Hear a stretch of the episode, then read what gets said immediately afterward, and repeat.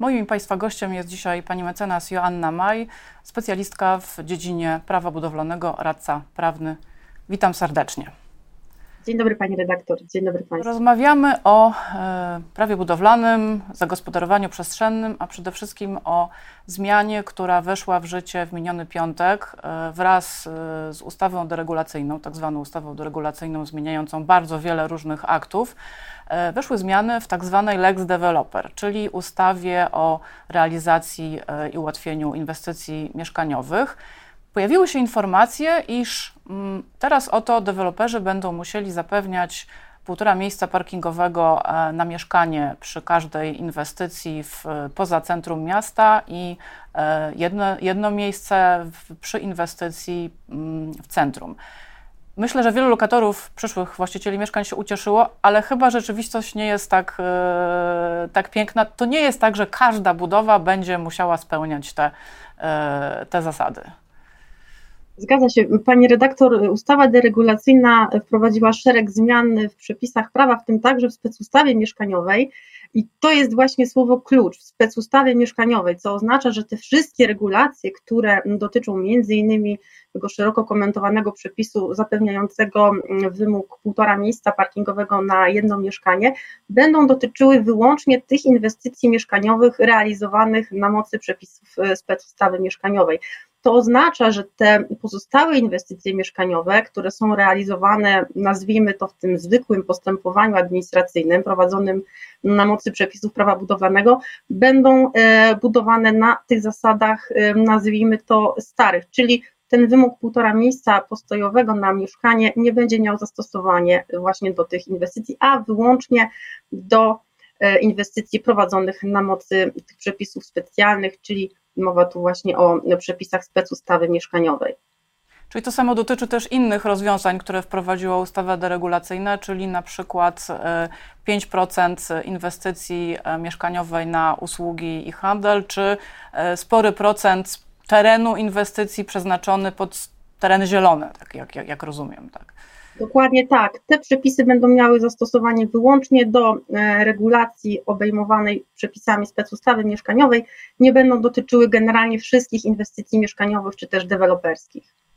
A czy dużo jest inwestycji, e, które są, były prowadzone na tych specjalnych zasadach? Bo mówiło się, że te, te przepisy, które teoretycznie były um, korzystne dla deweloperów, aż tak korzystne nie były i nie, nie, nie, niezbyt dużo, um, niezbyt wielu przedsiębiorców decydowało się na tę ścieżkę.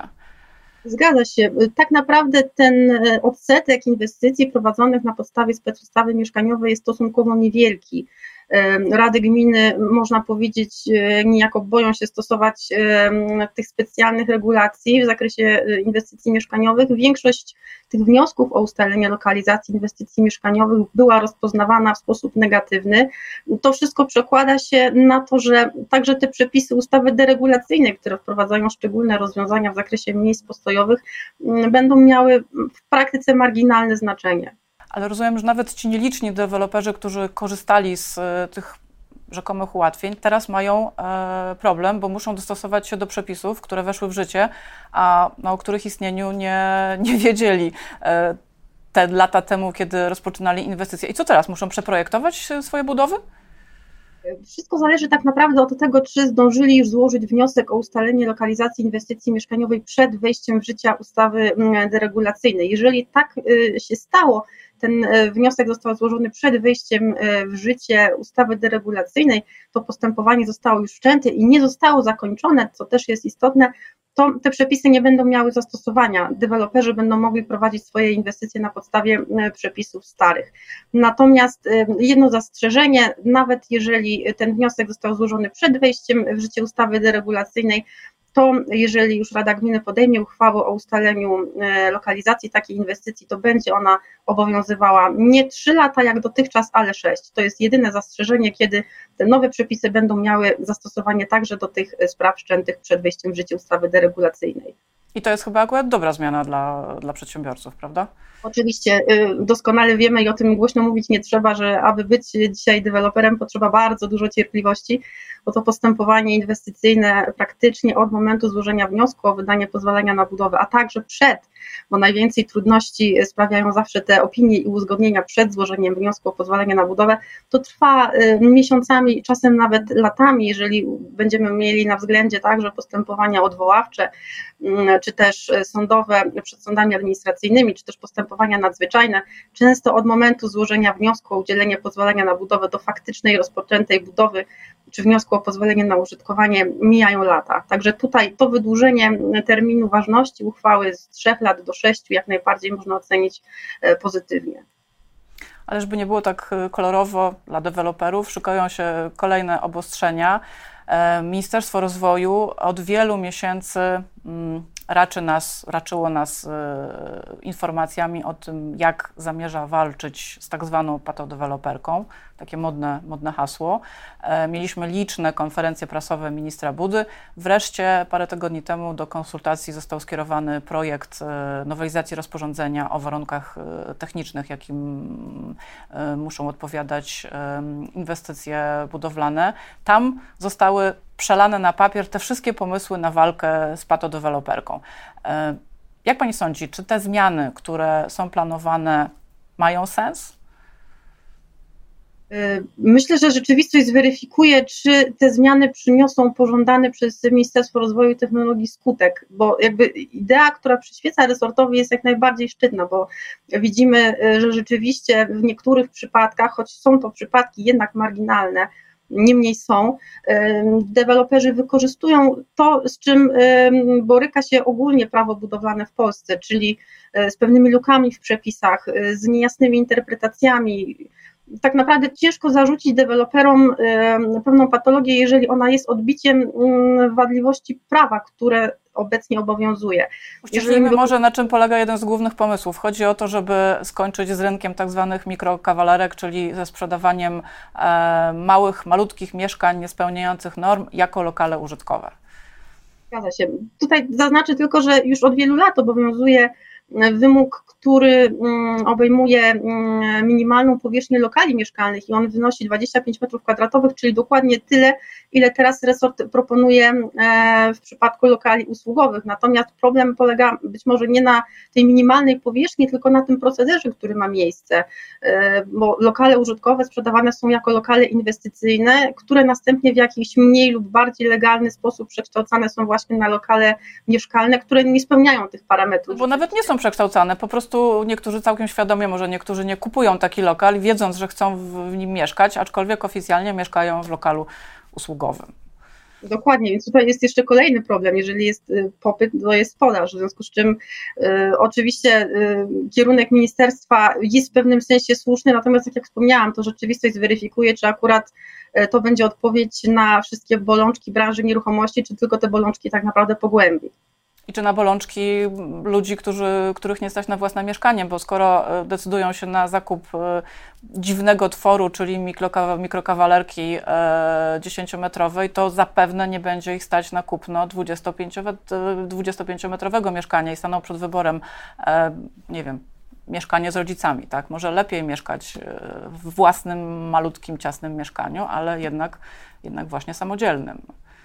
Dokładnie. Myślę, że ten problem niedoboru mieszkań też y, może pogłębić kolejna propozycja resortu, która właśnie znalazła się w projekcie warunków technicznych, a mianowicie ta propozycja rozluźnienia zabudowy w przypadku budynków y, mieszkalnych wielorodzinnych o wysokości czterech kondygnacji nadziemnych i więcej. W tym przypadku resort proponuje znowelizować paragraf 12 warunków technicznych, który reguluje kwestię odległości takich budynków od granic działki budowlanej. I tutaj bez względu na to, czy, ta, mm, czy ten budynek będzie zwrócony ścianą z otworami okiennymi lub drzwiowymi, czy też nie, ta odległość będzie wynosiła 5 metrów. Do tej pory ta odległość w przypadku e, budynków e, zwróconych ścianą z otworami okiennymi mogła wynosić 4 metry, w przypadku ściany bez otworów 3. Natomiast y, też tutaj resort, y, co prawda, y, rozluźnia zabudowę, niemniej wprowadza także przepis, który mówi, że można oczywiście do tej granicy z działką budowlaną zbliżyć się nawet do półtora metra odległości, a nawet usytuować taki budynek w granicy, o ile oczywiście będzie na to pozwalał obowiązujący na danym terenie miejscowy plan zagospodarowania przestrzennego. Których nie ma zazwyczaj których zazwyczaj nie ma, aczkolwiek y, kiedyś przepis w podobnym brzmieniu już obowiązywał i część miejscowych planów rzeczywiście taką zabudowę dopuszczała. W związku z czym no, mogą się zdarzyć takie przypadki, jak, jak ten medialny, gdzie rzeczywiście inwestor skorzystał z dopuszczenia, które dają mu przepisy techniczno-budowlane i zbliżył się do granicy na odległość półtora metra. A nie ma Pani wrażenia, że mm, ministerstwo, argumentując potrzebę walki z patodeweloperką, jakby wskazuje na inwestycje, które chyba są niezgodne e, już z obowiązującymi przepisami, więc nie są najlepszym argumentem do, do, do takich obostrzeń.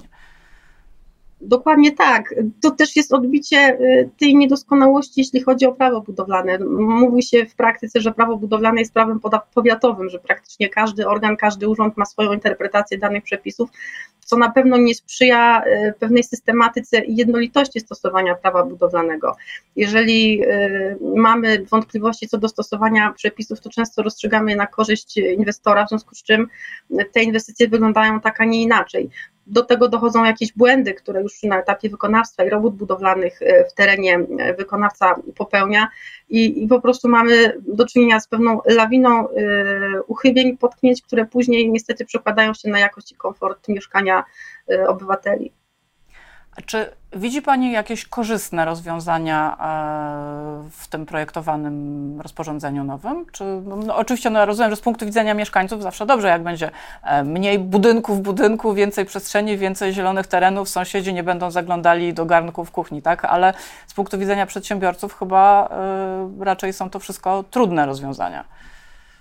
Na pewno y, branża nieruchomości już od wielu lat praktycznie nie ma lekko, więc myślę, że są przyzwyczajeni do, do każdej propozycji y, zmian w przepisach, które gdzieś tam napływają już od, od miesięcy.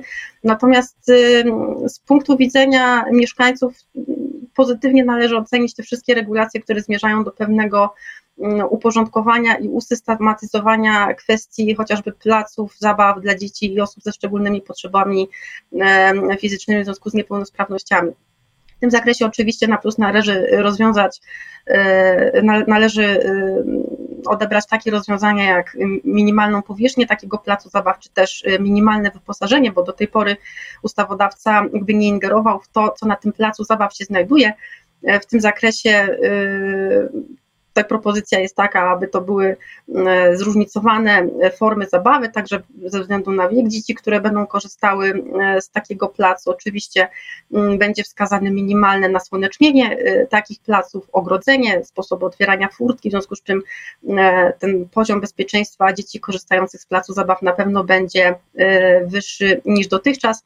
Też co ciekawe, ustawodawca wprowadza zakaz, y, najogólniej mówiąc, usytuowania placów zabaw y, na dachu budynków, bo z takimi przypadkami też niestety mm, mieliśmy miejsce i to oczywiście należy ocenić jak najbardziej negatywnie, w związku z czym wprost będzie w warunkach technicznych zakaz umiejscowiania e, placów zabaw na dachach budynków.